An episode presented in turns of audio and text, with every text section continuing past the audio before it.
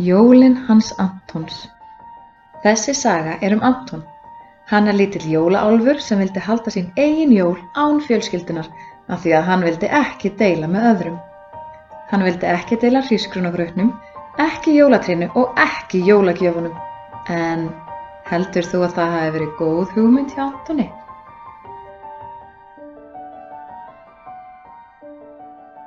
Þrettándi desember Anton þarf ekki sleða til þess að draga jólatréð út í kofan. Hann tekur poppun undir hendina og þrammar af stað í snjónum.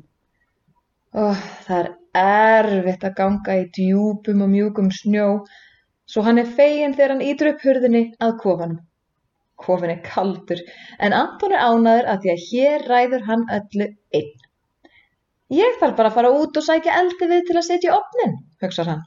Þá verður fljótt hlýtt hjá mér. Hann flýtir sér út og leitar að þurru spreki til að setja í opnin. Brátt logar eldurinn og Anton horfir glaður á logana.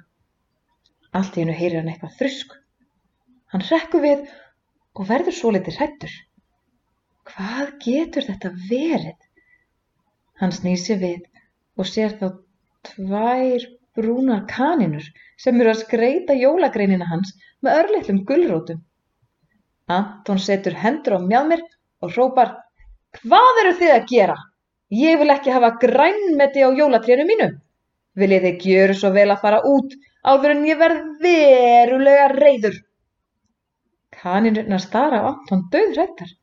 Þar flýta sér að safna gulróturum saman og stökku fram hjá Antoni sem hefur opnað út og stendur í dyrunum. Ég deil ekki jólatrénu mínu með neinum, segir hann.